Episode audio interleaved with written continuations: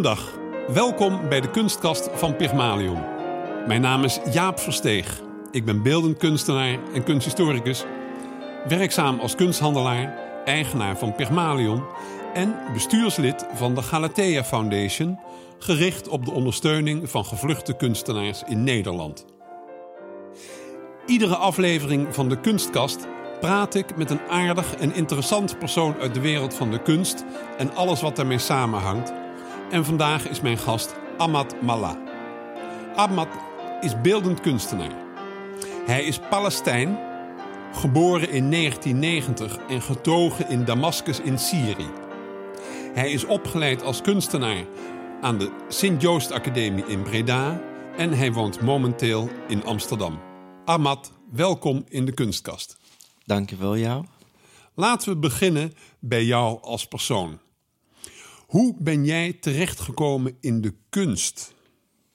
Uh, ja, uh, leuk je weer te zien eigenlijk. Ja, wederzijds. ja. ja. Dus ik ben uh, gevlucht naar Nederland zeven jaar geleden. En ik had een hele andere leven eigenlijk vroeger in Syrië, want ik was dokter. Ik heb geneeskunde afgerond. maar toen ik hier kwam, door de oorlog. Ehm, dus ja, mijn diploma is niet waardig hier. Ik, uh, ik moest heel veel uh, examen doen om te kunnen werken als dokter.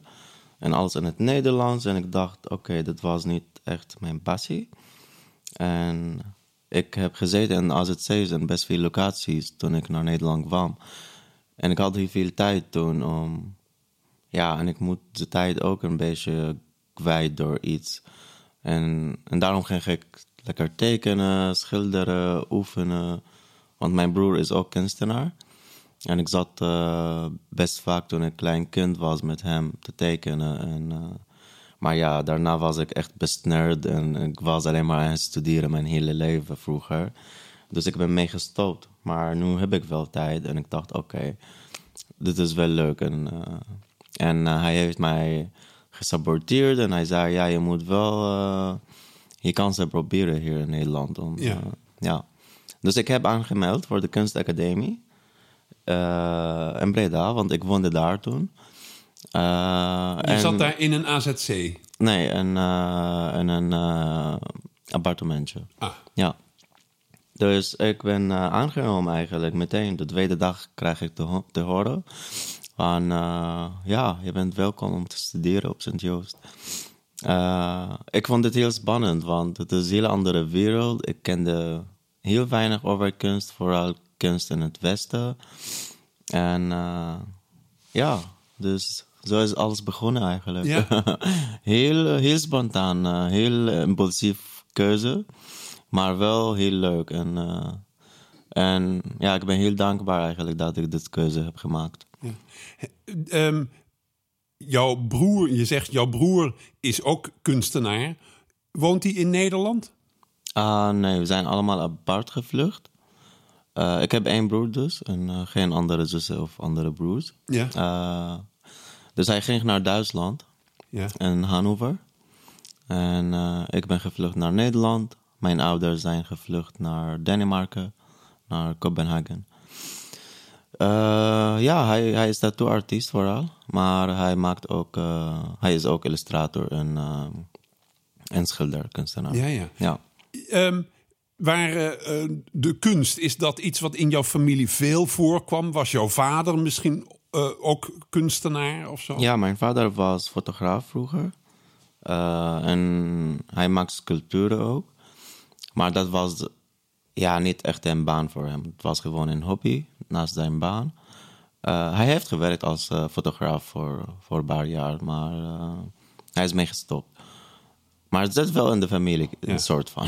Ja. ja, ja, En toen ben je dus terechtgekomen op de Sint-Joost Academie in Breda. Um, waren daar bepaalde docenten waar je um, um, veel mee optrok? Of waren er bepaalde vakken die jij bijzonder interessant vond? Ja, zeker. Ja, Sint-Joost, ik vind het een hele fijne sfeer. Vooral in Breda, want je hebt twee uh, gebouwen. Eentje in Den Bosch en één in Breda. Uh, ons gebouw in Breda is heel leuk, want het is een hele oude gebouw. Ja. En we hebben eigen bos. En het zit in de natuur, een beetje buiten de stad. En de sfeer is heel fijn, want het is geen competitie daar. Het is echt samenwerken, echt een soort van familie-vibe tussen iedereen. Docenten waren heel aardig. En voor mij was het moeilijk, want ik, ik was echt net in Nederland. Anderhalf jaar of zo toen ik ging studeren. En mijn Nederlands was niet zo perfect of zo. Het is gewoon echt leren, lerenproces. En ik heb een uh, Nederlands uh, talig uh, programma gedaan. Dus niet Engels. Ja. En dat was een beetje pressure voor mij om, om dit echt heel snel te gaan doen. En vooral het eerste jaar. En ik was ook ietsje ouder dan uh, mijn klasgenoten, want ik was 26 toen. De meeste waren 20 of 19. Ja. Uh, maar vanaf het tweede jaar, het ging allemaal beter, steeds beter dus. En, uh, en ik heb ook hier, ja, iedereen zag me ook groeien in de kunst en aan het leren. En mijn aanwezigheid was sterk in de klas als ja, iemand anders. Iedereen was Nederlands behalve ik.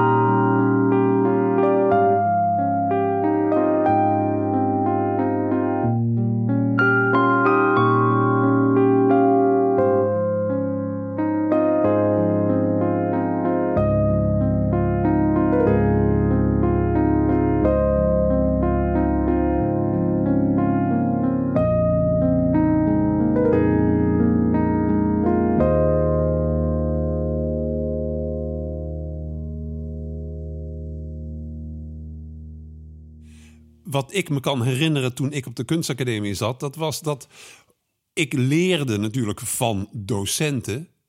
En je leert ook na verloop van tijd wat welke docent mooi vindt.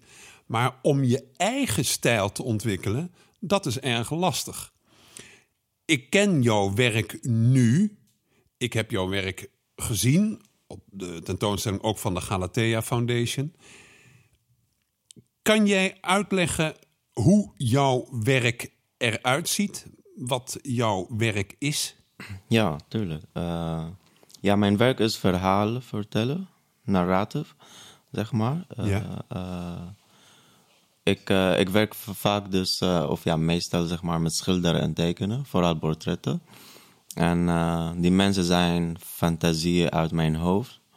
Maar die mensen hebben wel moeilijke ervaringen meegemaakt in het leven. En het gaat over psychologie en uh, intense, diepe emoties die wij als mensen uh, in ons dagelijks leven hebben. Het, het, hoeft niet mijn eigen verhaal, maar het kan ook jouw verhaal of iemand anders verhaal. En uh, best veel verdriet en depressie en angst en. en ja, alle, alle diepe emoties. Maar dit is een soort van healing process voor mij. Die wil ik graag delen met mensen. Want dit soort emoties heb ik ook al. En door, door schilderen en tekenen word ik opgelucht. Ja, maar ik werk ook met installaties. En, en ik ben aan het experimenteren eigenlijk met heel veel media. Met performance heb ik gewerkt. Uh, ik heb twee films gemaakt. Een documentaire voor afstuderen.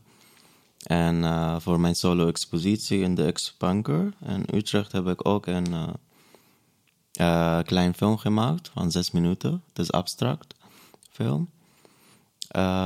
dus ik hou eigenlijk van een soort van combinatie maken tussen alles. Schilderen dus, met een performance, met een film, met een geluid of, of, of interactive, interactief werk. En uh, het werkt best, goed samen. En dat heb ik gemerkt vooral in mijn laatste expositie in, in de X-Bunker. Ja. Uh, ik kom nog weer even terug op jouw werk. Wat ik van jou heb gezien, wat je tentoonstelde toen op de tentoonstelling van de Galatea Foundation, dat waren hoofden. Maar dat zijn dus niet per definitie zelfportretten. Uh, nee, nee. nee. Maar uh, het zijn wel, vond ik, ik vond ze prachtig, heel. Het zijn um, expressief geschilderde hoofden, koppen, um, vaak ook kleurrijk. Je, toen hebben wij ook gevraagd of je een bepaalde tekst daarbij wilde zetten.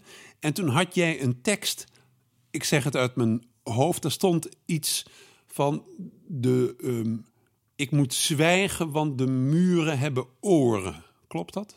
Uh, ja, ja, klopt. Ja. Ja. ja. Was dat ook iets wat met het verleden te maken heeft? Mm -hmm. Ja, ja, dat staat in mijn artist statement. Uh, want de muren hebben oren. Dat is een, uh, een spreuk in Syrië. Dat, dat wordt verteld tegen kinderen. Dus ouders zeggen dat tegen kinderen om, om eigenlijk niet, niet te hardop te praten over vrijheid en, en, en menings, vrijheid dus van meningsuiten. Want dat was echt verboden. En, en, en daarom had ik altijd het, gevoel, dat ik uh, gevangen gevoel. Dat ik uh, niet mocht uh, mezelf zijn of praten over vrijheid. Maar eind van de artist statement, ik heb geschreven, ik ben de maker, ik ben het kunstwerk. en ook als de muren hebben oren, ik zwijg niet meer. Ja, ik vind het wel mooi, maar ik weet niet. Uh, artist statement is een soort van proces, altijd wordt veranderd. Maar voor nu, mijn werk gaat echt vooral over mijn verleden. Want ik heb vier jaar gewoond uh, tijdens de oorlog in, in Syrië. En uh, ik heb heel veel verloren. Ja. En dat probeer je dus te verwerken in je kunst. Ja, tuurlijk. Want ja mensen hier in Nederland of in het Westen hebben een soort van negatief ook gedachten over vluchtelingen. Uh, en dat komt door bang zijn, denk ik, van anderen. En het is mijn verantwoordelijk, denk ik, als kunstenaar, als gevluchte kunstenaar, om dit soort verhalen naar boven te brengen door kunst en woorden. En, en uh, want het is belangrijk om voor, voor mij dat we gehoord worden en gezien worden als mensen, niet als vluchtelingen. Ja. Want we zijn ook hoogopgeleide, we zijn ook creatieve mensen, we zijn ook vrije mensen en leuke mensen. Uh, en daarom, ja, daarom doe ik dit eigenlijk. ja, ja. ja. ja.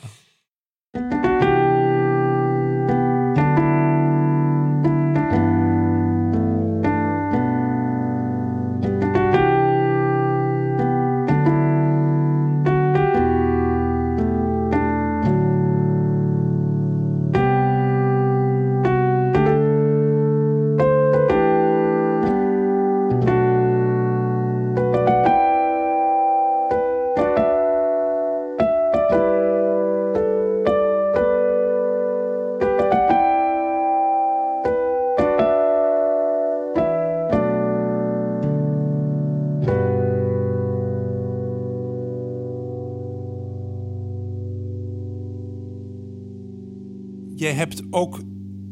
Um, is dat misschien een. een uh, ik weet niet of ik het goed zeg. Een Twitter-account die. Heb je genoemd Stateless? Uh, ja, ja. Ja, dat is mijn uh, artiestnaam, zeg maar. En oh. het is mijn afstudeerfilm. het heet Stateless. Oh, dat was je ja. afstudeerfilm? Ja, ja. Stateless, omdat ik Palestijns Syrisch ben. Ja. En daarom had ik eigenlijk geen Palestijns paspoort en geen Syrisch paspoort. Want ja, er zit half miljoen Palestijnse vluchtelingen in Syrië die helemaal geen paspoort hebben. Die zijn staatloze mensen allemaal. Ja, nu ben ik Nederlander geworden. Ik heb mijn paspoort gekregen. Maar dat is eigenlijk voor het eerste keer dat ik echte papier heb. Dat ik echte paspoort heb. Ja. Na 28 jaar. Dus twee jaar geleden heb ik, nee, drie jaar geleden heb ik mijn paspoort gekregen. Ja. Ja, Jij, ehm, ik zei in het begin, jij woont nu in Amsterdam. Maar ik begreep dat je ook eigenlijk op zoek bent naar een andere woonruimte. Klopt dat? ja, ja. Het is heel frustrerend hier in Amsterdam. Ik had een grote woning in, in Breda. Ja. Maar na afstuderen, ik dacht, ja, ik, eh, ik wil gaan voor de Amsterdamse droom. Voor elke kunstenaar, denk ik. Of ja, de meeste. Ja. Ja, vooral dat ik ook ben opgegroeid in een hoofdstad, in, Dam in Damascus, echt. Waar miljoenen mensen daar wonen. Ik ben gewend aan drukte en leven. Maar ik merk hier dat het... Ja, alles is eh, moeilijk. Alles is duur. Alles eh, kost... Dat kost heel veel energie en tijd en geld om hier te zijn. Vooral als kunstenaar, want zoveel geld heb ik ook niet als beginnend kunstenaar. En eh, ik heb nog steeds geen atelier, helaas. Ik schilder, ik werk in mijn kamer. Het is een klein kamer. Ik woon met vier andere mensen. Maar ja, nu ben ik echt serieus aan het zoeken naar iets anders. Maakt niet uit. En ik wil eigenlijk liever in natuur gaan wonen, denk ik. Ja, groter, goedkoper, met andere kunstenaars, denk ik. Ik ben alle, alle opties aan het checken nu. Ja. ja. Ehm, je gaf, en dan spring ik weer even terug ook naar je werk. Je eh, gaf aan, je hebt ehm, natuurlijk schilderijen gemaakt, maar je bent ook bezig met film. Is er een bepaalde richting waar jij nu bij voorkeur naartoe werkt met je kunst? Of ben je aan, breed aan het experimenteren? Eh, ik ben eigenlijk best veel aan het experimenteren. Ja, want ik, ik, eh, ik kom uit de geneeskundewereld en het is allemaal voor, voor mij nog nieuw. Zeven jaar is echt eh, voor mij, ja, ik, ik zie het als een kind die, is, die heeft iets ontdekt en hij wil alles leren en, van alles experimenteren. Maar ik zie mezelf als schilder sowieso. Dit ga ik eh, hier op focussen. Uh, maar ik, uh, ik vond film ook heel mooi en installaties ook. Uh, dus het is meer experiment.